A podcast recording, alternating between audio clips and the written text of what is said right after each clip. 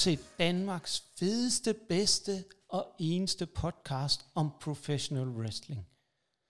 Og øh, det her, det er jo en episode, som øh, Kim og jeg har glædet os rigtig, rigtig, rigtig meget til. For det er jo en, på en eller anden måde, skal vi ind på et emne nu, eller kan vi godt afsløre allerede en tv-serie, som har været skældsættende på mange måder for dansk professional wrestling. Men for inden vi kommer til at skal snakke om det, den spændende, spændende tv-serie, kan man sige, så øh, vil jeg jo godt høre lidt om, Kim, hvad, hvad der skete siden sidst på din øh, banehalvdel inden for wrestling? Jamen altså, øh, det vi har gang i lige for tiden, det er, at vi øh, prøver at lave øh, fire små øh, wrestling shows i august ud for vores lille træningslokale, øh, hvor vi vil sende det live på øh, Facebook og så har vi sådan snakket lø- lidt, lidt fast og løst om, øh, hvordan vi kunne gøre det, men vi vil gerne holde det på en halv time. Øh, så se om vi kan få lidt tilskuere, du ved, bare lige sådan, du ved, der lige er det stemning, det er til festen, og sidde og lave, og lave en wrestlingkamp foran øh, ingen mennesker, ikke? Men altså, vi er der plads til lidt mennesker derude og sådan noget, ligesom der er nogen, der gider at og se det, så vi får gang i nogle af de nye, jeg har trænet op her de sidste, sidste, sidste måneder. Øh, så gør vi også lige øh, comeback fra øh, tidligere to gange dansk pro wrestling mester FVN kommer. Uh-huh, det øh, jo... kan jeg afsløre den, den 6. august, i hvert fald indtil videre. Så, øh, det lyder så lidt sker der i hvert fald.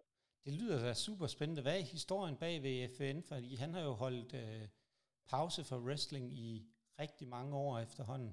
Hvordan har du fået Jamen ham altså, FN vandt jo faktisk den første øh, fake or break træningslejr okay. øh, foran øh, Michael Finn og foran øh, Joe Green og hvem, øh, foran Johnny Casanova, tror jeg også var med i den, og der var en, der var en del med i den. Øh. Ja.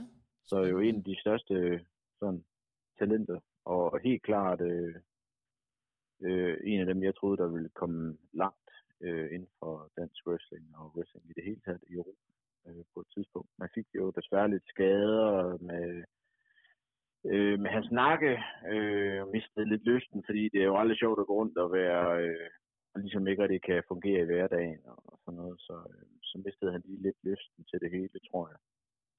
Men øh, jeg har snakket med ham det sidste tid her, og vi har ligesom arbejdet på, at han skulle komme tilbage. Øh, og så spurgte jeg ham jo simpelthen, jamen, om han ikke allerede synes, han var klar til at måske tage et par kampe her i august. Ja. Det har han sagt ja til.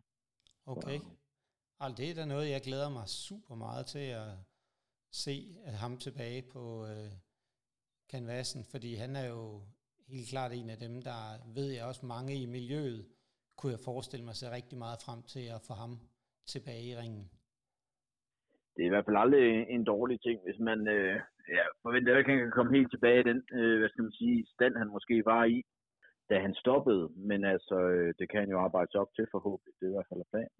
Det vil måske så, så det glæder mig til at se, hvad vi ligesom ja. kan få ud af det her. Spændende, spændende. Det er da også et uh, super interessant projekt, det der med at prøve at lave nogle lidt kortere show, og ligesom se, hvad ja, det men også, øh, også for lige at få nogle gang i vores, vores nye wrestler, øh, lige teste dem lidt, se, hvad, hvad kan de, hvad kan de ikke. Øh.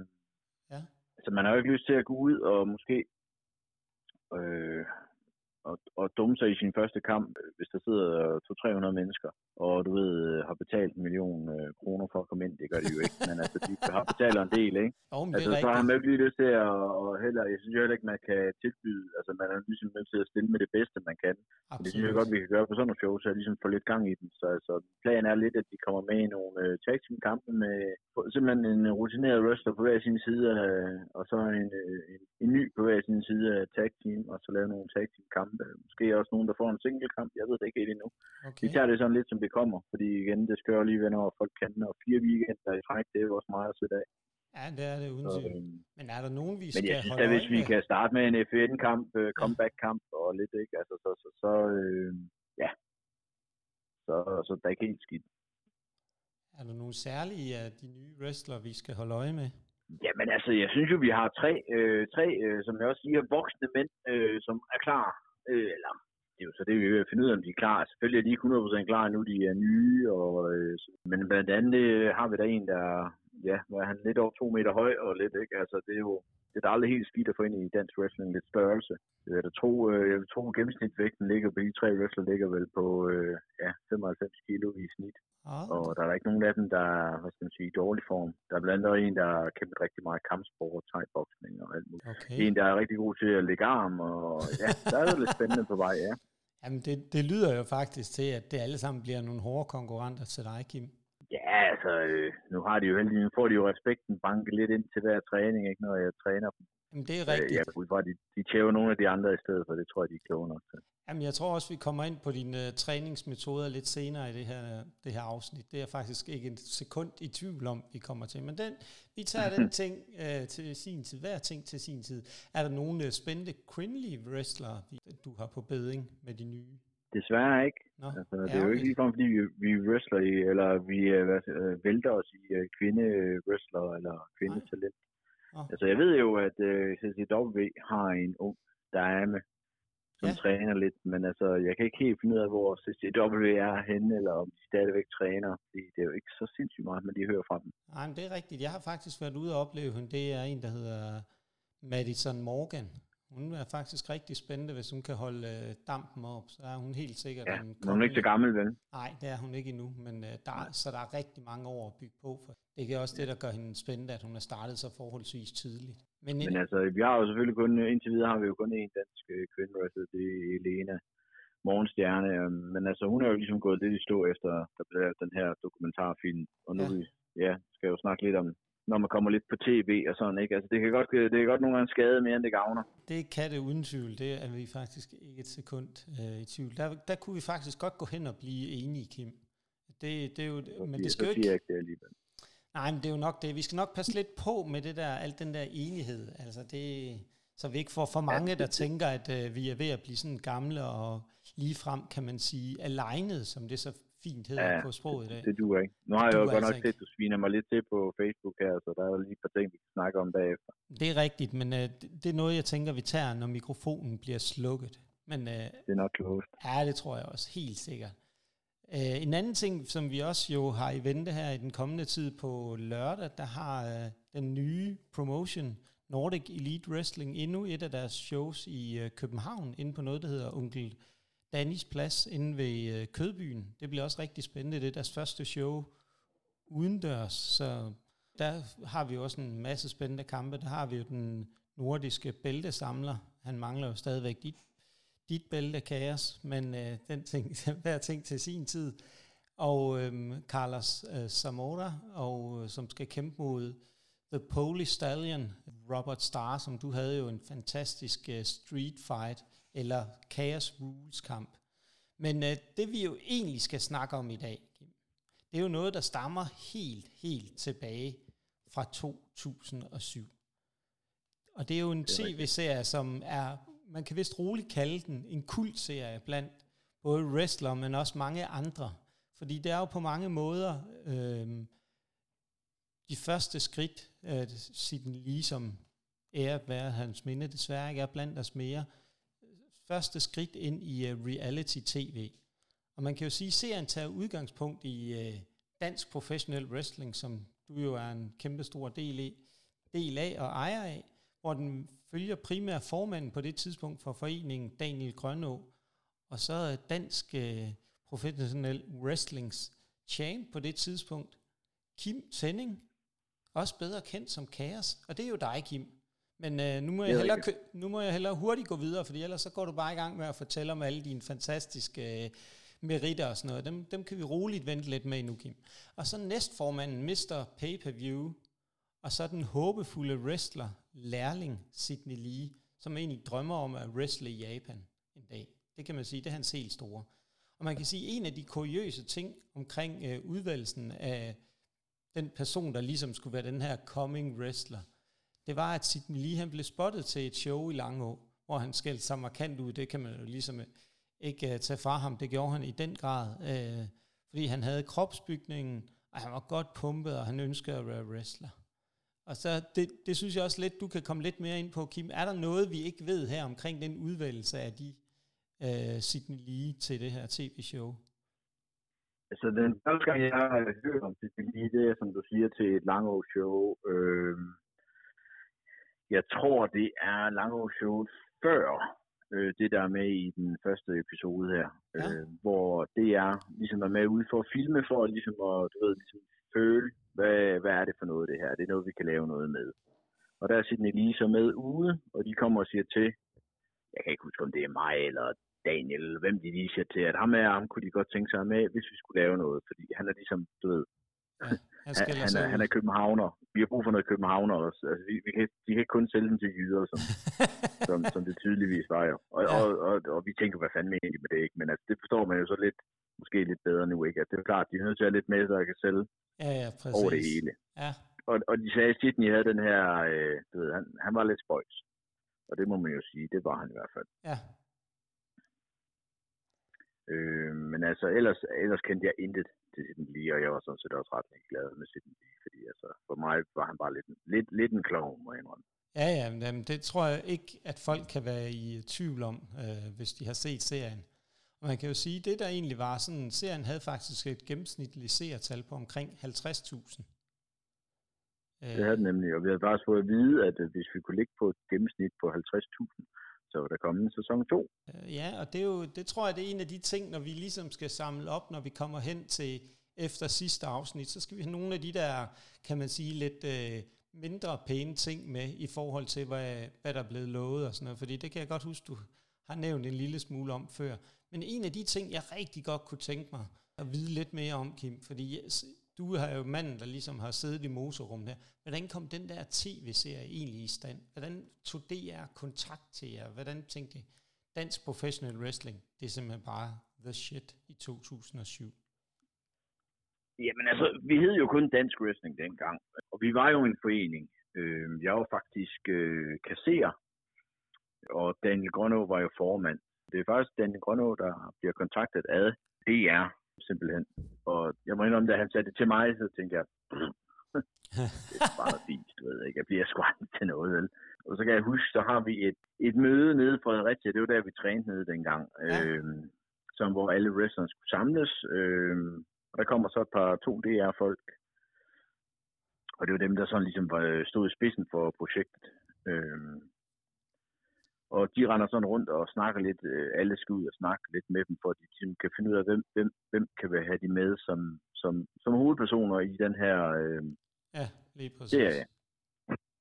Øh, og alle vil jo gerne stort set åbenbart være med i den her, fordi det var en af de få gange, hvor, hvor alle mødte op, ikke? Det skulle da spøjs. Og de tager også mig ud. Jeg tror, jeg er en af de sidste, fordi jeg går ud og siger til dem, prøv nu skal jeg altså til at hjemme, jeg har ikke øh, nogen. Så hvis I skal snakke med mig, så bliver jeg nødt til lige at få det hurtigt overstået. Ja. Og så siger de, ja, men det er jo dig, der... Så siger jeg, ja. Så de vil jo gerne bruge mig, siger de så. Så siger okay. jeg så, ja, det er meget fint, men det vil jeg faktisk ikke. Jeg synes, vi skal tage nogen af de andre. Ja. Nå, siger de så. Så, siger, så siger de så, du der har sagt, du ikke vil. Så siger jeg, jamen, altså, det interesserer mig faktisk overhovedet ikke. Altså, jeg vil gerne, øh, jeg vil gerne lave noget om wrestling, og jeg skal jo nok være med til at, og, ligesom at bygge det op, og være med til at, og, og, og gøre alt det, de siger, men, men altså, jeg gider ikke at være en af hovedpersonerne i serien, siger så. For jeg har ikke lyst til at blive fuldt af, af kameraer og så videre og så videre. Nej. De, jamen, det, var, det var fair nok, og det vil de selvfølgelig respektere, og bla bla bla. Så finder vi jo så ud af Daniel, og Sidney Lee, det skal være, hvad skal man sige, to af hovedpersonerne. Ja. Så Mr. Pay-Per-View vil rigtig gerne også være en af hovedpersonerne. Men jeg kan ligesom fornemme på ham, at det måske afhænger lidt af mig, om han også bliver det. Ah. Og så han kommer og siger til mig, du bliver sgu nødt til lige at være en af hovedpersonerne. Jeg sagde bare en af de andre klumper. Så han, der, hvad han nu lige sådan sagde på en pæn måde, ikke? Øh, der, der bliver det. Altså, det, vi er nødt til at have nogen med, der også ligesom kan sige, forklare wrestling på en ordentlig måde og sådan noget. Fordi altså, vi er jo ikke, vi jo ikke en skid om, hvad Sidney kunne finde på at lave eller sige. Ja. Den ene dag kan han sige det ene, den anden dag kan han sige noget andet. Men altså, man vidste jo, altså, jeg vidste jo, altså, jeg, jeg kan skide godt lide Daniel Grønå, og han vidste jo egentlig ikke ret meget om wrestling, når det kom til stykket. Okay. Så Paul, han fik simpelthen, Mr. Pay-View, fik simpelthen overtalt mig til at, at være en af de her hovedpersoner. En af stjernerne. Øh, Ja, ja, det kan man også sige jo. Men egentlig var det ikke øh, det, jeg havde lyst til. Jeg havde faktisk også sagt nej til dem flere gange, faktisk. Men det er jo så, det skal jo så sige, det er jo så DR, der har lavet, øh, det er jo dem, der har fundet på mit, mit øh, hvad skal man sige, kælenavn som Danmarks hårdeste wrestler. Det var DR-gutterne, der fandt på det. Okay. Ja, det var jeg da ellers overbevist om. Det var noget, du havde name-droppet tilpas mange gange blandt... Jeg siger dig, det gav så mange problemer ude, øh, backstage, at øh, de kaldte mig det, fordi så lige pludselig, så skulle, øh, så skulle alle være noget med Danmarks bedste til et eller andet, du ved. Så havde vi Danmarks bedste teknisk wrestler, så havde vi Danmarks, du ved, altså det var sådan, du ved, alle vil hedde Danmarks et eller andet, fordi jeg blev kaldt det. Men det var det, jeg sagde, jeg kan sgu da ikke rigtig ved, at det er jo ikke mig, der har fundet på det. Vel? Altså, Nej, og, hvor, det... og, hvorfor skulle jeg sige det, vil jeg ikke hedde det? Jeg synes egentlig, det var meget cool, ikke? Jo, jo, men det og er ganske også. rigtigt, for den sags skyld. Så. Ja, ja, men det, det, det, det kan vi jo altid diskutere. Men det, en af de ting også, Kim, som jeg synes kunne være interessant, det er jo, at nu var I en forening på det tidspunkt. Øh, hvordan opstod det foreningen? Øh, hvem var med til at starte den og så videre? Jamen altså, Dan Grønå var egentlig med til, altså, øh, altså vi var en del, der var med lige i starten, men det var det egentlig Dan Grønå, der tog, tog styringen med det, fordi øh, ja. han havde øh, fået Viborg Kommune til at betale for en wrestlingring. I dyre domme, vil jeg sige. Men altså, ja. de havde betalt den, fordi han, han på det tidspunkt boede Daniel i Viborg. Ja. Og øh, det var simpelthen for, at der skulle laves noget wrestlingtræning i Viborg. Øh, men vi kommer aldrig til, nogensinde til at lave noget i Viborg, fordi stort set lige efter ringen er kommet, så flytter Daniel til Fredericia. Det skulle da en meget, øh, meget god ja, idé. og så tager han jo bare ringen med, og Viborg Kommune, jeg ved ikke, jeg ved ikke, hvad de har sagt til det, fordi de har egentlig bare betalt for en ring, som der ikke er nogen. Som der er ikke jeg nogen, tror ikke, de vidste, hvor fanden ringen var henne. Så den røg i hvert fald til Fredericia, hvor vi så startede med at træne dernede. Så det er sådan set sådan, øh, hvad skal man sige, mere eller mindre. Daniel, jeg tror i hvert fald til mig, der ringte han og sagde, om jeg kunne tænke mig at være med. Og, og igen, når det er noget med wrestling, så tænker jeg, at det vil jeg sgu altid. Jeg giver det i hvert fald altid lige et, et, et skud, inden jeg, inden jeg var blank til nej. Ja. Der var der nogen, der sagde, at det vil de ikke, og nogen sagde, at de gerne ville. Og, ja, okay. Jamen altså. Så der var simpelthen nogen, der sprang fra på det tidspunkt, da jeg oprettede for Ja, altså, øh, Talen kan gad ikke, blandt andet. Øh, Nej. Okay. Det er sådan lige umiddelbart lige den største, ja. hvor, hvor jeg tænker, det er ham, jeg lige kan huske. Altså, det, det, det vil, han, vil, han vil lige se, hvad det blev til, inden han, øh, inden han gad at, at være med. Ja, okay. Spændende, spændende, spændende. Men uh, lad os nu komme videre til det, det hele handler om. Vi skal jo snakke om uh, episode 1 af Blod, Sved og Springskaller. Og det er jo uh, på mange måder utrolig spændende det her. Man kan sige, at det er jo 20 danske wrestlere, der har slået kræfterne sammen, kan man sige, at danne den her forening. Så er målet jo klart, kan man, er man slet ikke i tvivl om, når man uh, ligesom mærker, kan man sige, atmosfæren i den her starten af den her tv-serie, det er, at de vil gøre amerikansk show wrestling til en stor sport i Danmark. Uh, og, det, og så kommer der jo noget rigtig, rigtig interessant, som er en af de der catchline til en tv-serie, det er, at wrestlerne er nødt til at arbejde sammen for at få succes. Og det, det er jo noget, man kan sige, der også den dag i dag er en uh, meget stor udfordring i dansk wrestling. Det er samarbejde. Det kunne være, at de skulle prøve at se den her uh, tv-serie igen, og måske kan se, hvor galt det kan gå, hvis det er, man ikke ligesom prøver at forsøge at samarbejde og snakke sammen. Og så kan man sige, som det også... Vi er tydeligvis ikke blevet klogere. Det, det kunne man faktisk godt øh, understrege, at det er i uden tvivl ikke. Øh, man kan så diskutere, om du er en del af det, Kim. Men, øh, det, det vil du nok benægte den dag i dag, men det er jo så, hvad det er. Jeg benægter ikke noget. Jeg siger gerne, at øh, jeg er med i, har været med i stort set alt, hvad der er i dansk wrestling. Det har du. Og dansk pro wrestling. Så, det har du. Jeg, jeg tager gerne den skyld og ære, der er i, i, i det hele. Ja, og det vi egentlig skal sige, den sådan ligesom slutter med her, øh, det er, at foreningsfreden trues af intern uro.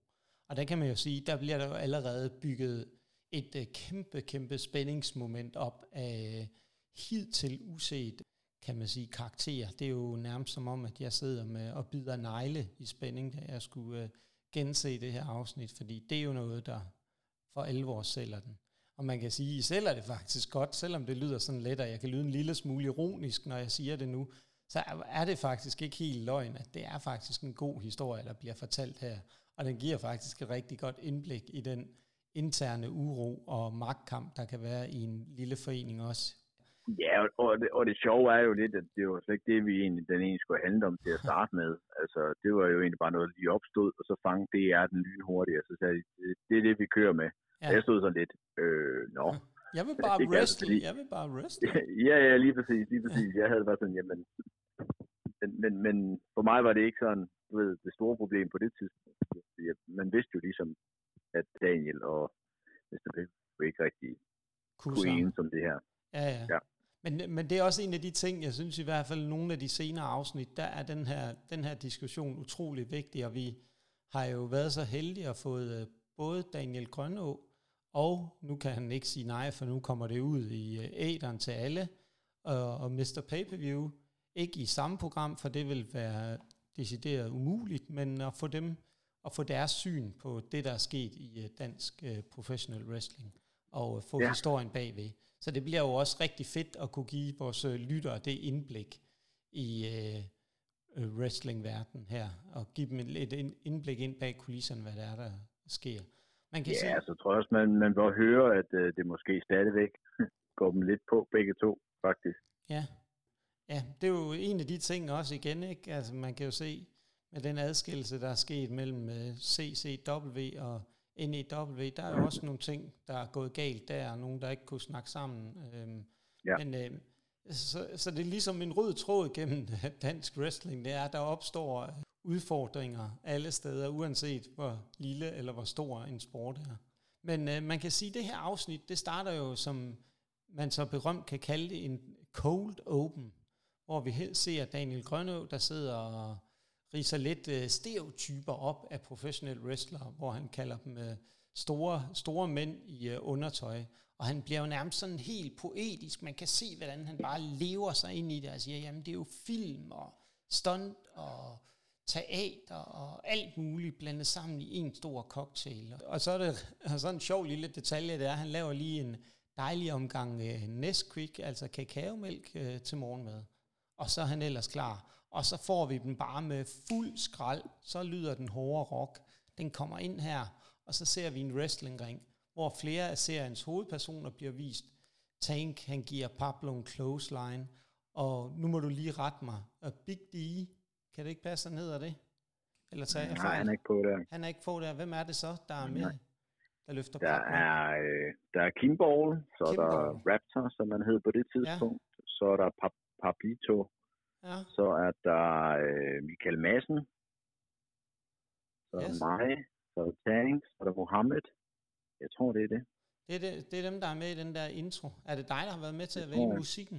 Nej, men uh, det var god musik, de valgte. Det Jamen, det kunne jeg godt forestille mig. Det passer lidt til det der hårde rock, Danmarks hårdeste ja, wrestler. men det gør det. Ja, altså, jeg, jeg er jo den uh, store fan af wrestling og rock. Det passer meget godt sammen. Ja, jamen, det, det kunne jeg godt forestille mig. Jeg, jeg kunne mere men, øh, forestille mig, at vi fik... Uh, Backstreet Boys ind og sang uh, Quit Playing Games With My Heart i stedet for. Uh, ja, det er nok mere været din stil. Men altså igen, jeg havde heller ikke hørt, at den her intro så jeg ikke før selv uh, serien blev sat på tv, så jeg anede heller ikke, hvad musik de ville bruge. Men jeg kan huske alle de, alle de, alle de moves og tricks og alt, hvad vi laver til den ja. intro, det blev skudt ned på DR inde i Aarhus, faktisk. Nå, så det var ikke engang ude i uh, den loka- lokale sted, så der fik I lov til at transportere ringen derind og Ja, men altså, det var jo faktisk sådan, at det var øh, Aarhus-afdelingen, der har lavet det hele. Okay. Og det, og det var også en af tingene, det var jo netop, det var jyder, der lavede det, og det var jyder, de filmede, det var derfor, de var nødt til at have lidt Sydney med, for at give den lidt, give den lidt, uh, lidt, kolorit. lidt københavnsk smag også. Ja, så det ikke bliver alt for jysk. Og det synes jeg faktisk godt, man kan mærke lidt på den, at det ikke er så københavnsk, eller så sjællandsk. Det ved jeg ikke, altså er det ikke også bare en skrøne, det der med, at vi godt kan lide nogle gange at sige, jamen så er der københavner, og så er der jyder og sådan noget, ikke? Altså i dag, der jeg synes jeg ikke, der er... stor forskel på en jyde og mm. en københavner, både som tilskuer og som wrestler. Det kunne være, at vi også uh, kunne tage en af de ting med en dag og snakke om det. Men ja. nu, nu nok om det, Kim. Nu skal vi jo videre til øh, det, det hele handler om. Nu skal vi jo i gang med øh, selve afsnittet, efter vi har fået den her ufattelig fede intro. Øhm, og det, man kan sige, at afsnittet det starter jo med, at den gode Daniel, han sidder og filosoferer lidt over, at han snart skal ind og introducere og være, annoncere det her store show i Langeå. Og han er utrolig ja. spændt på det her, fordi det er jo, det der er jo specielt ved det her show, som man ligesom kan fornemme på, øh, på øh, Daniel, det er jo, at øh, det foreningen, de har taget en chance nu, fordi normalt kunne jeg forstå på det hele, kan man fornemme, at de har brugt en del udenlandske wrestlere normalt til jeres show før det her. Ja, og det er jo lidt pudsigt, ikke? Fordi det var faktisk lige nøjagtigt omvendt. Altså i starten havde vi jo kun danskere. Ja. så det er faktisk direkte omvendt. Altså, øh, okay. vi, vi vil gerne lidt væk for, at det kun var danskere, og så havde lidt udledning på. Nå, så... Så, så det er lidt, lidt spøjst. Men ja, så valgte de åbenbart lige at køre det med der, ikke? Så de har faktisk vendt og... den om? Ja, det har de faktisk. Det var lige nok det modsatte af, hvad det egentlig var. Okay, Jamen, det er jo meget interessant. Og, og det spøjs er også, at, øh, eller det blev jeg i hvert fald lige øh, mærke i, at øh, Daniel han siger, at indianer og klovne er der med i for eksempel ja. i USA, ikke? Og så er det jo faktisk, øh, ja, gået ud fra Tatanka og Doring the Clown, han mener, ikke? Og de har nogle år, en del år senere, ikke? Så har de været med på et dansk pro wrestling show. Det er lidt sjovt, synes jeg alligevel. Ja, det må man sige. Man skulle næsten tro, han var øh, oraklet for Delphi og kunne se ud i fremtiden ja, af, hvad der sker. Eller kan det være, at det bare har været en drøm, som er blevet til virkelighed for ham? Ja. Øhm, men det, men det, er jo, det er jo rigtig fedt, det der med, at man kan, man kan se de der tråde faktisk frem, til, frem i tiden. Og så kan man sige, så ser man jo, at han Daniel kommer kørende til Langå, Dansk Wrestlings Højborg, som det bliver døbt. Det må man sige, det er jo, det er jo store ord. Ja, men altså man kan så sige, det var det eneste sted, vi lavede wrestling. Så, så det var det jo også. Det må man sige, det kan faktisk ikke være andet overhovedet jo. Altså, det er jo, en, det er jo et stort sted, Langå, kan man sige.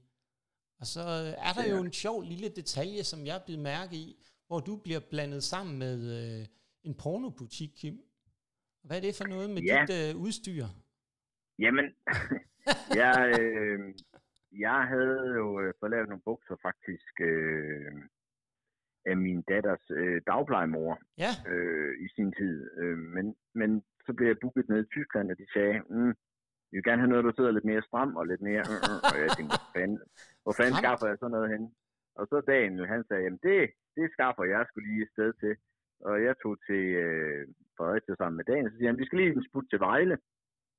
Øh, så tog vi sgu i pornobutik, og så havde han skulle fundet sådan et par, øh, du ved, helt stramt latex øh. Jeg stod der og kiggede lidt på dem og tænkte, mm. Men så en der i butikken sagde, jamen jeg kan lave lige som du har lyst til, der kan stå navn og det hele på. Så tænkte jeg, nej fuck it, vi prøver. Ja. Så jeg fik sådan et par øh, sorte latex bukser. Øh, det, det, det ligner sådan lidt nogle korperbukser-agtigt noget. Øh, og så stod der jo så med guld øh, kager ned ad benet. Jamen. Og øh, de på, kære på bukser, de holdt så lige nøjagtigt øh, tre minutter i den første wrestlingkamp, jeg havde i den nede i Tyskland. så øh, gik de i stykker. så jeg måtte wrestle en hel kamp bare i ren, øh, hvad skal man sige, underbukser. Bjørn Børg øh, underbukser, for at være helt nøjagtig. Det må have været ømt. Det er måske en af de skjulte klip, vi kan komme til at vise på et tidspunkt. Øh, Jamen det var faktisk sådan, efter det jeg fik det at vide, så sagde de, vi skal med ned til Tyskland en gang for lige at se, hvad der sker dernede.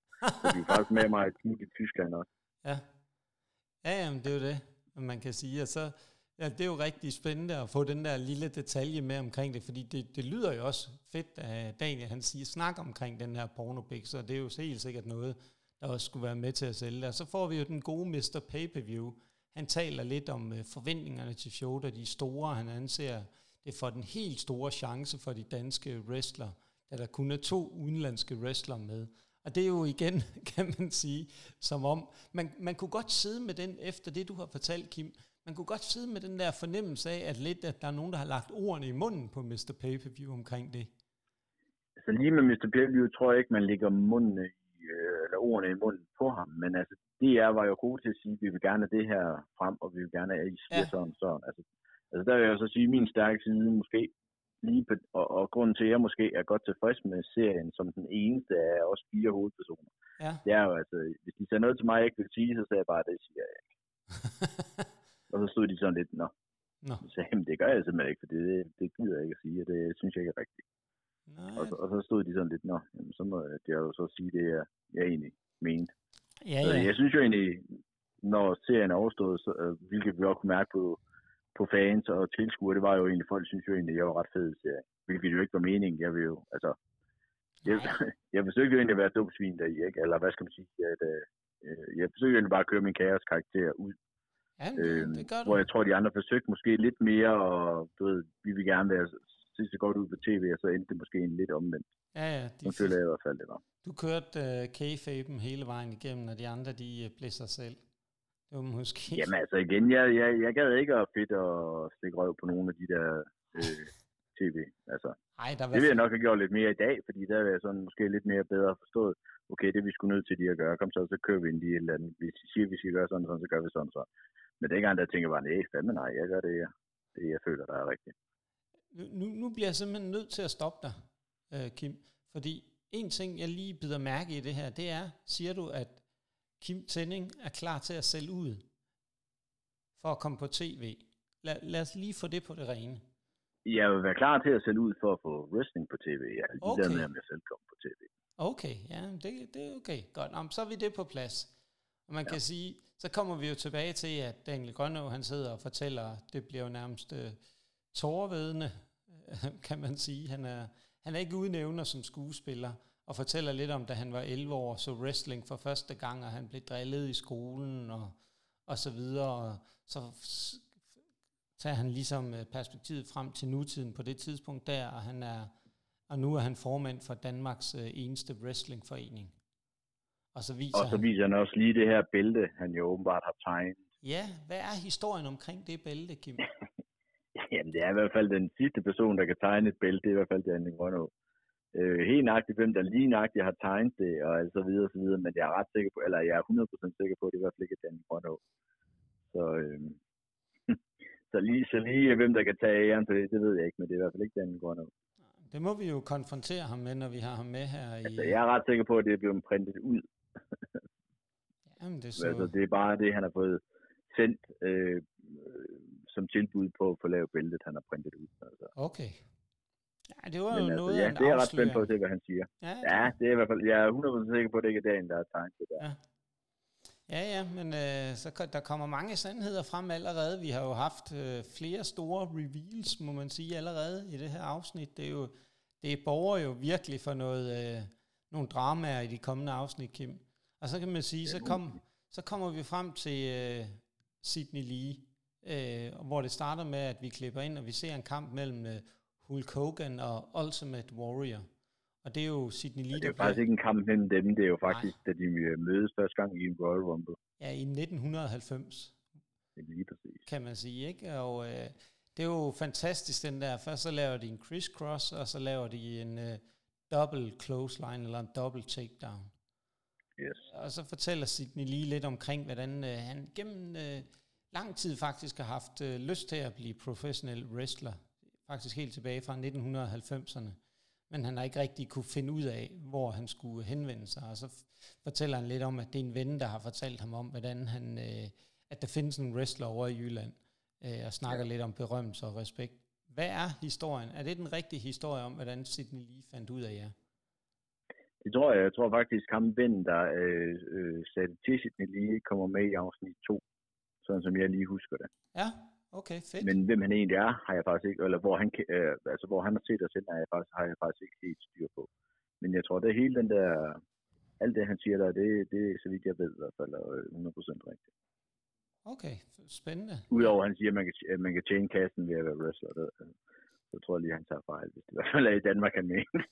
Det er nok mere i Danmark, Kim. Der er jo nogen, der tjener en mønt eller to på wrestling, men uh, som du selv Ja. siger, det er nok ikke lige i Danmark. Nej, det er det vist ikke. Uh, det er det vist ikke. Og så får vi en lille dejlig ting her omkring, uh, hvor vi ser, at Daniel Grønås kæreste, hun snakker lidt om, at når, når de engang får børn, så skal de med til wrestling. Og det er jo en af de Ja, ting... det er gode de har faktisk fået to børn, så vidt jeg ved. Ja. En dreng og en pige. Så. Og Rikke, som hun hedder, Daniels kæreste, øh, var rigtig god i starten til at hun stod for alt vores, øh, solgte alt vores merch og så videre. Ja, ja men hun virker også super engageret og sådan noget, det man ser af hende. Jeg tror, Øh. hun, hun blev træt af det efter den serie her. Okay, Fordi Ja. hun kunne også se, hvordan folk egentlig røvrendte Daniel en lille smule. Ja, ja, ja men det er jo det, øh, vi kommer ind på, og det er jo en af de ting, det er jo igen, det er jo nok, hvem der røvrendte hvem, det er jo, der er jo forskellige opfattelser af tingene, og det er jo det, jeg synes, der er vigtigt, at vi får frem i det her, det er at give alle dem, der har lyst til at deltage øh, i det her, den her gennemgang af blod, sød og springskaller, de skal være så hjertelig velkommen til at komme med deres synspunkt. Der bliver ikke klippet, der bliver ikke noget som helst i deres mening, den bliver fremført råt for usød. Det kan vi godt love alle dem, der får lyst til at deltage. Ja. Øhm, og så kan man sige, så kommer vi jo til det der, vi lige var inde på før omkring bæltet, så det, det er ikke noget, jeg vil gå dybere ind i. Øh, og så får vi jo et gylden klip, hvor vi får introduceret Danmarks øh, hårdeste wrestler. Det er jo en, der hedder Chaos. Og det er jo dig, Kim. En flot fyr, en flot fyr, synes jeg. Flot fyr. Øh, man, man skulle tro, han var sidst i 40'erne, sådan ser han nu ud. Ser lidt slidt ud og sådan noget. Så, så det er jo nok derfor, de godt kan kalde dig øh, Danmarks ubestridte hårdeste wrestler. Jeg ved bare ikke lige ja. på det tidspunkt, hvem de egentlig har tænkt sig, at du skulle øh, konkurrere med den titel omkring. Det, det synes jeg jo er, er lidt interessant, fordi så mange er der ikke 20 wrestlere. Øh, men det er jo en Nej, lækker men vi var egentlig, vi var faktisk ret kloge dengang, at vi oh. byggede det op stille og roligt. Altså nu ved det, det, det show, de viser fra i Langå, der er main eventen, det er jo faktisk Carsten Kressmer, ham der har trænet mig ja. i Hamburg, imod uh, Cannonball Grizzly, oh. som er tidligere WCW-wrestler, ja. øh, PN News. Oh. Uh, og de havde faktisk sådan en European uh, Steel Cage match, det vil sige, at man sætter sådan noget, uh, det er sådan noget hegn, de bur på, uh, ja. på byggepladser. Det, så jeg godt, der var rundt om. Men det synes jeg næsten, øh, Kim, at vi skal komme tilbage til, når vi kommer til uh, slutningen der. Så lad os lige, lad os lige cutte den her, for ellers så ved jeg godt, så er du på vej uh, de ja. næste 20 minutter omkring det der. Fordi det er jo en af de ting, vi, jeg gerne også vil frem til forholdsvis hurtigt. Så kan man sige, så ser vi Sydney. Han er på vej til prøvetræning. Og det er på, ude på Katrinebjergskolen. Det er jo en skole, jeg også kender i Aarhus. Sydney kommer frem. Mr. Pay-Per-View, han virker jo nærmest super optimistisk. Det er jo dejligt at se, at han er så optimistisk på Sydneys øh, vegne. Og det er Man kan gøre meget foran tv. Det er jo det. Han, øh, han fortæller Sydney glædeligt, at det er ham, der skal øh, stå for prøvetræning, og så snakker de lidt frem og tilbage om forskellige emner, herunder formandens manglende indsats for at blive wrestler. Der, der kan man i hvert fald godt høre, at øh, Paul kommer i hvert fald lidt med en stikpille der til Daniel omkring indsats og hans manglende indsats i forhold til wrestling og blive wrestler. Men, Jamen altså, Pauls problem var jo, at Daniel for eksempel aldrig var med til noget træning. Han anede jo ikke, hvem der var god til at wrestle. Altså, øh, Nej. Men Daniel mener jo, at han gjorde jo en masse andet arbejde. Det kan han også gøre, det var ikke det. Men igen, hvad er vigtigst? Og så står man jo sådan lidt og skal diskutere det, ikke? Jo, jo, og det, det er jo der, hvor jeg glæder mig til, at øh, vi får de to med, og vi får dem til at fortælle deres historie ja. og fortælle, hvordan de har opfattet det. Fordi det er jo, der er jo to sider af sådan en sag, og det, det er vigtigt at få begge sider frem, synes jeg. Øh, man kan sige, så kommer vi frem til, at gymnastiksalen bliver gjort klar, og så Mr. Pay-Per-View, han introducerer Sydney. Og så klipper vi jo tilbage til øh, wrestlingens højborg, tilbage til Langohallen, hvor at, øh, du fortæller lidt om, at der er lidt snak i krone om, at der er nogen, der gerne vil øh, have Daniel væltet som formand.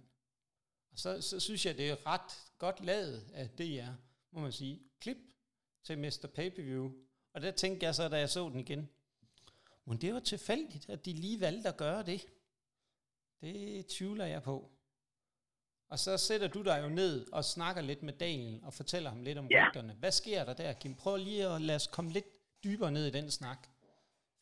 Jamen, det var jo sådan lidt med, altså altså ind i mit hoved, der troede jeg jo, Daniel godt vidste. Okay. At der ligesom var, du ved, det her med, jamen, du ved, der kommer af, afstemning om, hvem der skal være formand.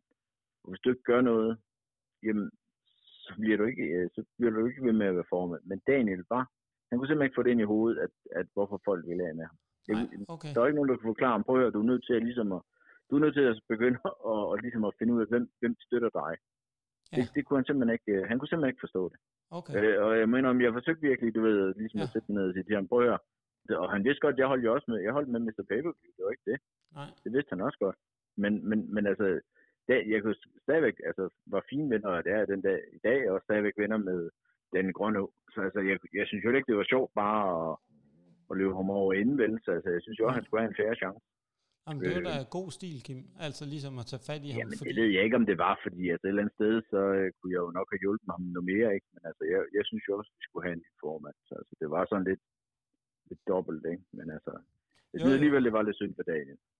Ja, ja, men altså, man kan jo sige, hvis det også er, som du fortæller, at det har været svært for at trænge ind til ham, og ligesom gøre ham klar over, hvor problemstillingen lå, så, så kan du jo også stå med den udfordring, kan man sige Netop, at ja. du ikke ligesom tager tingene til dig. Hvis du ikke vil tage kritikken og så videre, så, jamen, så står du med en udfordring i sidste ende.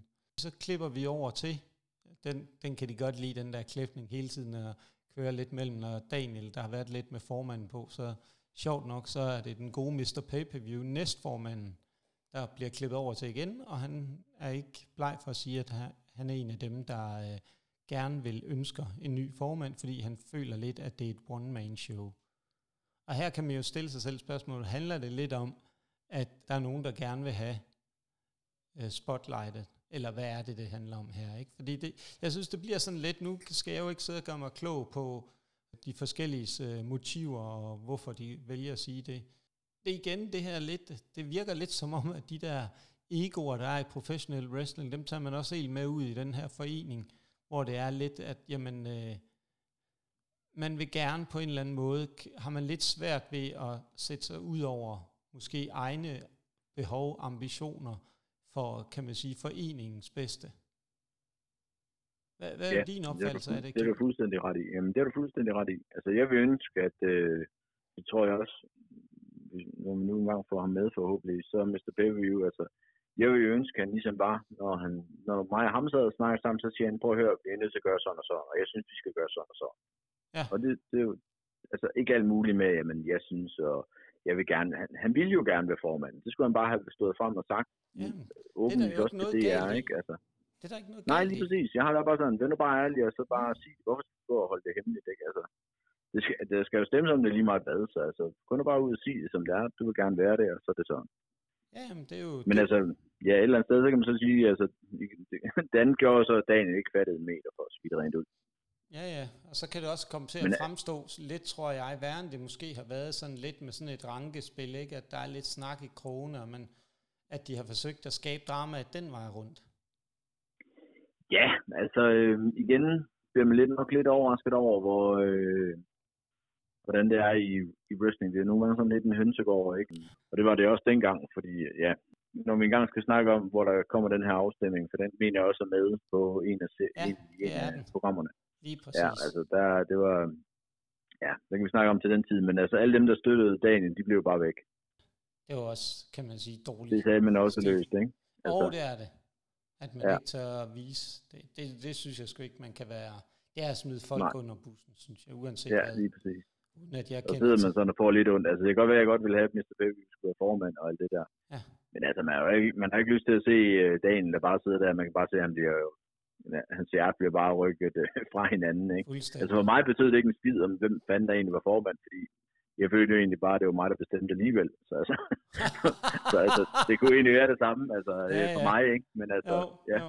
Ja, ja, men, øh, no. men lad os komme vid- lidt videre, så vi kommer frem til selve kampene lige om lidt, fordi der har jeg en masse spørgsmål. Så ser vi uh, Sidney, der fortæller lidt om, at han uh, kender alle moves, øh, der vi er tilbage til træningen. Ikke? Han, men Sidney, han tager meget let på træningen her, må man sige. Og kort til, ja. at Mr. Pay-Per-View, der kommer og fortæller, at alle moves, de skal sidde på ryggraden, og det, det gør de kun ved træning. Så Sidney, han forsøger at lære det der med at falde. Og der kan man godt se, det, det er i hvert fald noget, der ikke lige falder ham helt naturligt. Og så, så, ja, og igen, det vi trænede på på dengang, det var nogle bløde madrasser. Du kunne ikke slå dig på madrasser, du så næsten forsøgte at lande på hovedet, så du stadigvæk ikke slå dig. Nej, nej, præcis. Så Sidney, han brokker sig lidt over, fordi han har fået, som han kalder det, en uh, rookie at træne med, og det, det, det virker han ikke helt tilfreds med det her, kan man godt uh, Nej, så altså, tænker han ikke over, jamen du er selv rookie. ja, men det, det, det, tror jeg ikke helt, han opfattede det sådan, i hvert fald. Nej, det, det, det virker sådan i hvert fald. Og så kan man sige, man ser, at uh, han starter med at lave uh, træne clotheslines, og så kommer der jo noget af det, som jeg ser som et af de mest berømte moves i hele dansk professionel wrestling. Det er, at vi ser dig uddele nogle af de berømte tøsechops. Og det jeg sådan lige kom til at tænke på, da jeg så øh, det her, det var om wrestlerne, de står og griner, eller hvad det er, de fordi de står sådan og tager sig sådan lidt til brystet og sådan noget, efter du har givet dem de der chops. Så hvor, så hvor skræmt nogle af dem var jo, ikke? Nå, var de skræmte? Det er sådan, jeg ser det. Jamen, det, det, lad os gøre det, ikke? Og man kan sige, lad os hurtigt komme videre. Du er sød og lige give Sydney et lille klap på brystet og sige tak for yes. god træning. Og så alligevel, jeg ved ikke, hvad det er. Hvad har du sagt til ham derimellem, inden han skulle på tv, hvor han siger, at det har været en super fed træning. Han står og roser det til skyerne. Var du lige henne og giver ham et par stykker mere? Så han, øh... altså, jeg tror, du, du skulle i hvert fald nok ikke lige have spurgt mig, om jeg havde syntes det samme, som han gjorde. Fordi Nej. jeg havde nok sagt, at han sagde, at var håbløs. Ja, ja, men det er jo, der er jo nok en grund til, at de ikke har spurgt dig så, tror du ikke? Ja, det var den nok. Og så kommer vi jo tilbage til, nu kommer vi snart ind på det, som man kan sige, der bliver ligesom kulminationen på det her afsnit, det er det show i Langåhallen. Så kommer vi tilbage til Langåhallen, og der er skud inden for omklædningsrummet med alle wrestlerne. Og der kommer, vi jo på, der kommer vi jo tilbage til en af dem, der var med i introen, vi ikke har set så meget indtil nu. Det er Pablito. Og han har været i Canada og trænet på et anerkendt, en anerkendt wrestling-skole. Og kan yes. du fortælle lidt om, hvad det er for en? Jamen, det er Lance Storms øh, wrestling-skole. Han okay. var, øh, han klarede det første, hvad skal man sige, det første hold, Lance Storm øh, nogensinde sendt, øh, gennemført hans træningsskole, det var Pablito på. Hold da op. Ja. Det, det virker jo til, at det er noget af et uh, talent, der er gået tabt her. Ja, det er det.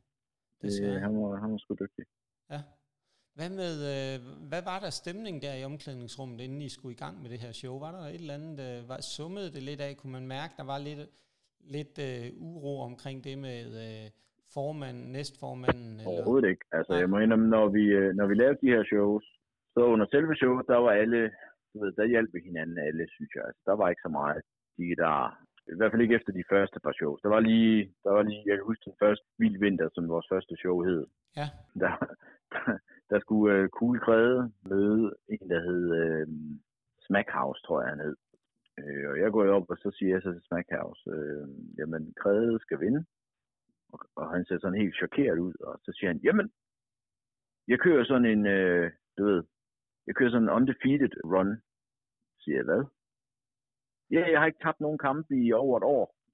Så du har ikke haft nogen kampe. Nej, men det er til træning, siger han så. Så er der giver op. Siger hvad siger du? du ved, jeg kunne ikke finde ud af det. Jeg kendte jo ikke manden, og jeg tænkte, Nej. joker han med mig, eller hvad, han skal, hvad, skal, hvad, hvad skal jeg sige her? Ja. Så siger han, jamen, og så, øh, du ved, så er han sådan siddet med, hvor nærmest hvor han viste alle dem, han har mødt til kamp, han har haft til træning, han har vundet. Så siger jeg, seriøst? Mener du? Der er der ikke en eneste, der anede, jeg anede det ikke engang, sagde jeg. Altså, hvem fanden ved det? Jamen, det vidste han da. Ja, det er meget muligt, men i dag, der taber du. Ja. altså, så, så, sådan var det lidt spøjs i starten. Der var de nogen, der ikke rigtig helt forstod. Jamen, altså, det er da også, det er også underligt, at du sådan vil forsøge at ødelægge en streak. ja, ja, en streak. Jeg tror kun, det var hans hoved, der var en Men så fandt jeg så ud af, at der var flere af de her kære danske wrestler, der åbenbart skrev alle deres træningskampe op, fordi så havde de jo lige mange sejre. Men det var sådan, ja. Men det kan altså, jeg da altså, godt forstå. De ligger på, på en rullemadras og vinder over hinanden, det måske. Og fået ja. en kildetur af kaos på brystet. Men uh, ja. lad os uh, komme frem til kamp nummer et. Det var jo cool kræde mod uh, versus Pablito. Og yes. så, Pablito, han har jo en uh, ganske skøn ung kvinde med ind til ringen. Hvem ja. er det? Hvad er historien bag? Med det er Anja Schøtler, øh, Lars, der shooter Schøtlers søster. Ja. Hvordan kom Hun det var med ganske kort periode lige. Hvorfor, øh, hvad, hvad skete der der? Kunne, øh, var Pablito for hård ved hende, eller? Nej, jeg tror faktisk, at Pablito stoppede, før hun gjorde. Nå. Så øh, jeg tror simpelthen bare, du ved, altså jeg tror, hun var med lidt, fordi Lars, hendes øh, lillebror, tror jeg, øh, ja. var med, og så synes vi bare, hun så sgu egentlig meget godt ud. Hende kunne vi godt bruge som sådan en, en, øh... en, en manager. Ja, ja, hun gør det også ganske, ganske fint, må man sige. Han har også ja. et entourage ind, og kampen der, var der nogle specielle ting med den kamp, hvor du tænker, at det der, det var alligevel noget, vi lige skal bide mærke i, eller skal vide?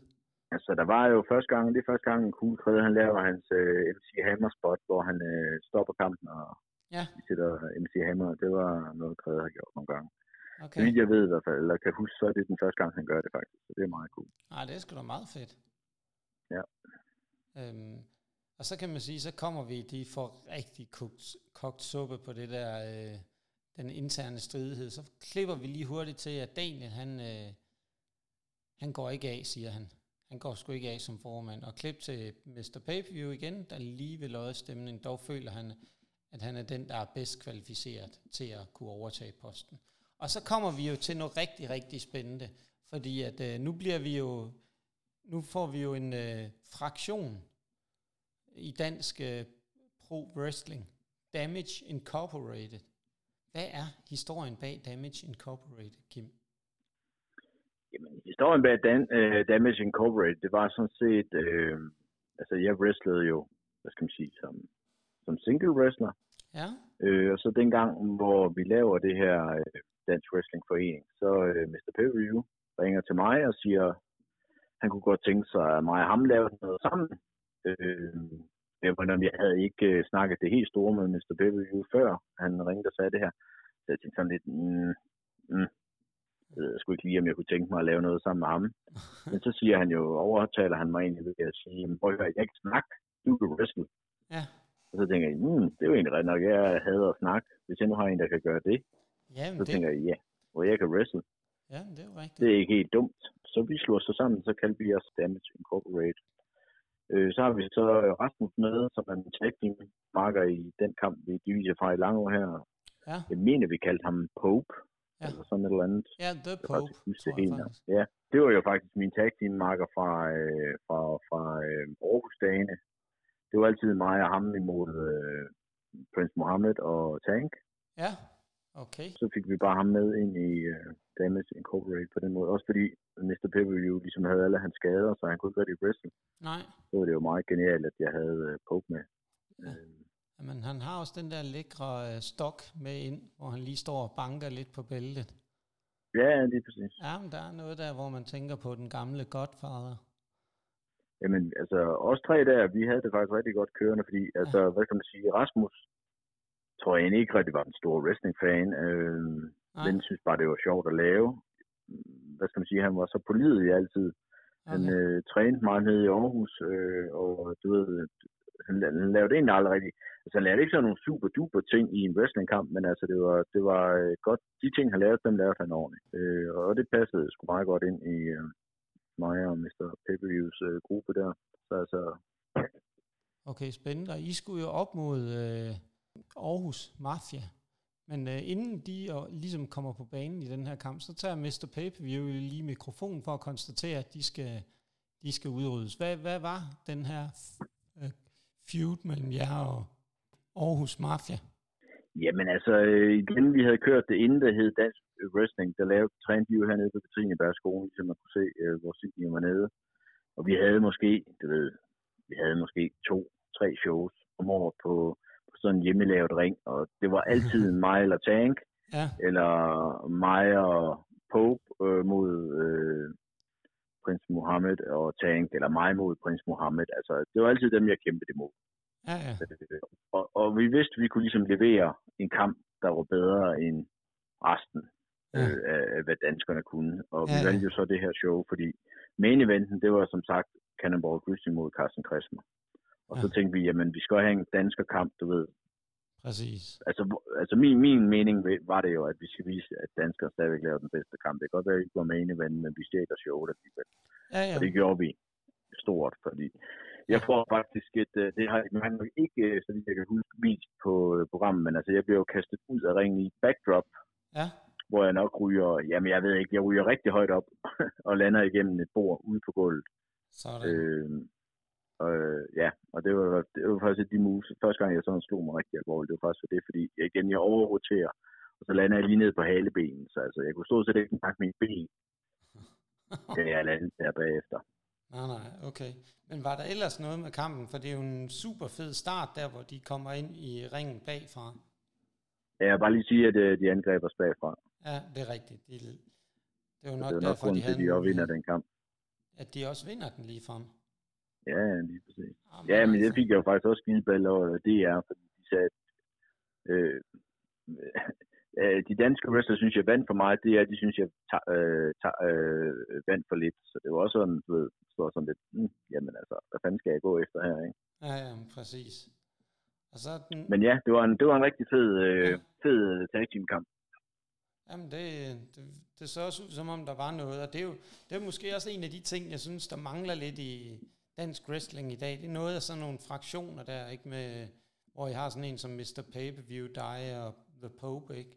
Æh, de Jo, der ting, den der energi, der kommer til at synergieffekt, der Ja. ja. ligesom opstår mellem det. Øh, Det har jeg i hvert fald prøvet at nævne flere gange for forskellige promotions, øh, at hvorfor bruger man ikke den mulighed igen? Hvorfor bruger man ikke ja. nogen af dem, der... Men altså, i, i dansk wrestling lige for tiden er det jo næsten svært at, at bare finde to, der kan enes om at være sammen, ikke? Det er lidt skidt. Ja, men det er det. Men fraktioner, ja, det synes jeg er fedt at, at lave. Altså, den sidste, jeg var med i, det var vel uh, mig og Big D, og en tysker, der hed Masterpiece, uh, Marcellus. Vi havde en tremandsgruppe, der også kørte. Det kørte jo rimelig godt. Ja, jamen det giver bare en eller anden fed energi, og du kan jo se selv i dag, er uh, AEW har jo haft super, super god uh, succes med at køre med en masse fraktioner, fordi det giver en masse muligheder for nogle kampe og bygge nogle storylines, og WWE har jo også måttet uh, bide det sure æble og begynde at bygge uh, nogle fraktioner op med uh, Judgment Day, uh, især som er det seneste eksempel, som de så ikke har valgt at bruge så forfærdelig meget tid på, men uh, det er i hvert fald en ja. fraktion i den forstand. Og så kan man sige, Kim, nu skal vi jo videre til den uh, næste kamp på, uh, på kortet. Det var Raptor mod. Hvem kæmper Raptor egentlig mod? Han er mod uh, Foran. Ja, Hvem er Christian, øh, ja, jeg kan ikke huske hans efternavn. Øh, og det er jo faktisk ham, der har bygget øh, i wrestling. Så, Spændende. så det er jo sådan en lille sjovt side. Okay, så han har simpelthen bygget samtlige ringe. Altså den ring, vi wrestler i på det show, der, den står jo fast nede i Horsens, ja. nede i fængslet. Og så har vi vores, øh, den har han selvfølgelig ikke bygget, for den, det var den foreningen købt Ja. i Tyskland i sin tid. Øh, og den fungerer stadigvæk. Men jeg ved, så har jeg har fået bygget en af ham. Det er den, vi træner og bor, når vi rejser rundt. Det jeg ved, en af mine øh, elever, øh, Ragnar, øh, oppe i Aalborg, har fået bygget en ring af ham. Ja, Og jeg mener også, Body Slam har fået bygget en ring eller to ved ham. spændende. Så han er vel den eneste danske Han er faktisk the wrestling man. bygger. Ja. Ja, og gør faktisk rigtig godt arbejde. Ja, men de, de virker også stabile, når de kan holde til dig, kan man sige. Ikke? Ja, det må de må sige. Og han var faktisk også en udmærket wrestler. Havde ikke ret meget, øh, hvad skal man sige, øh, skal man sige, udstrålingen manglede han nok lidt. Men Ja. altså sådan det selve basic wrestling, der var han rigtig god. Okay. Det, Jeg har også været på træningslejr i Norge med ham faktisk en gang. Ja. Hvor han var, kun var mig og ham af danskeren, der gennemførte. Så. Hold da op. Ja. Hold da op. Og så kan man sige, det ser vi jo ikke særlig meget af, men du nævnte jo egentlig main eventen, og det er jo egentlig lidt sjovt, at den er blevet fuldstændig negligeret i det her show. Fordi det var jo Cannonball Grizzly mod Carsten Kressmer, ja. Carsten Kretsmer. Altså jeg tror lidt problemet var, at lige snart der var tv på, så sagde Cannonball Grizzly, jamen så skal jeg have penge. ah, Og så blev det bare sådan, nå jamen, så ryger du bare ud. ja. ja, ja. så, øh, så det er sådan set uh, lidt derfor, tror jeg. Men det er jo... Men igen, det skulle jo handle om danske wrestlere, ikke om de udlandske. Nej, nej. Men uh, man kan jo sige, det er jo amerikansk, det er jo meget naturligt, at han tænker sådan, Ja. kan man sige, ikke? Altså, Ja. det er jo noget, han sikkert har levet af, wrestling, på det tidspunkt. Ja, det har han levet af i mange år. Jeg tror aldrig, han har næsten stort set har lavet andet. Nej. Og så kan man sige, det er jo, hvad det er, og det er jo en meget sjov historie at have med i, at uh, main eventen, den ser man faktisk reelt set ikke. Man ser kun lige hegnet rundt omkring ringen. Ja. Hvem vandt egentlig den kamp? I main eventen, der Ja. vandt, der vandt Cannonball Grizzly. Okay. Kan du huske på... Fordi øh, på showet før havde han mødt og der havde Carsten Kressmer kostet ham kampen. Mm, så der var en storyline der. Yes, Ah, Det giver, det giver jo mening. Og så kan man sige, Kim, det så, lidt mening, ja. så kommer vi jo tilbage til, at uh, formanden Daniel, han er på vej ind til evalueringsmødet, og, og der snakker han om ny publikumsrekord. Er det noget, du kan uh, verificere? Det tror jeg var rigtigt. Altså, jeg kan ikke huske øh, tilskuertallet, men jeg ved i hvert fald, at det der show var godt øh, besøgt. Og du snakkede om Big D før. Ja, han var med i introen. Han var blandt publikum til det show, så vidt jeg kan huske. okay. Han Jeg tror ikke, han begyndte at wrestle, faktisk. Nej, han, var, han havde ikke en rolle eller noget. Nej. Nej. Han kom så med, da vi, du ved, da serien ligesom var ved at slutte af, der var han så med ind, men i starten der, nej. Nej, okay. Hvad med, skete der ellers nogle uh, interessante ting, som der man kan sige på evalueringsmødet? Blev der snakket om nogle ting, eller var det bare happy-go-lucky? Helt ærligt kan jeg ikke huske en pind for det der møde overhovedet. Jeg kan huske, at vi havde det, hvis jeg ikke har set det i serien. Så øh, nej, jeg tror ikke, det skete. Det er helt stort spændende. Men Kim, så er vi jo faktisk allerede ved vejs ende ved første afsnit, og det er jo helt Ja. imponerende. Vi har kun gået lidt over en time. Det er da meget godt gået. Ja, ja det er ret godt gået, faktisk. at næste afsnit, kan man sige, episode 2 af Blod, Sved og Springskaller, det kommer i næste uge. Det kommer lidt an på, hvordan og hvorledes vi får i forhold til at få planlagt med øh, de forskellige personer. Ja, altså, vi har vel snakket om, øh, vi bruger de her blod, sved og springskaller lidt til, når vi lige føler, nu kan vi lige, øh, sker der måske ikke lige så meget, eller vi ikke lige har noget at snakke om, jamen så kan vi lige smide sådan en blod, sved og springskaller afsnit ind. Ja, præcis. Og det, det, er jo, det er jo sådan, det bliver for eftertiden. Så man kan sige, kære lyttere, selvom I sidder og venter i spænding på, når vi gennemgår sæson, eller episode nummer to, kan man sige, af blod, sved og springskaller, så må I vente i spænding, og det bliver en kæmpe stor afsl- afsløring, vi kommer med, når det er, det sker. Vi kan ikke love jer noget, vi kan ikke sige, hvornår, men en af de ting, vi vil godt øh, slutte det her, kan man sige, afsnit af med, det er at sige tusind, tusind tak til alle jer, der lytter med. Vi er totalt overvældet over den opbakning. Vi har snart opnået øh, 400 afspilninger på utrolig kort tid, det, øh, det varmer både Kim og mit uh, wrestling-hjerte helt, helt derind, hvor det er fantastisk rart. Og så sige, bliv ved med at dele vores afsnit, når vi slår det op på Facebook og Instagram. Det betyder meget for os, og det betyder også meget for os, hvem, for at vi kan nå ud til så mange som muligt. Kære lytter, kan I have det fantastisk. Husk at nyde dansk wrestling live, når I får muligheden for de har brug for jeres støtte. Det har de alle sammen, både øh, NEW, DPW, CCW og Body Slam. Og herfra skal der lyde et øh, fortsat fantastisk god dag.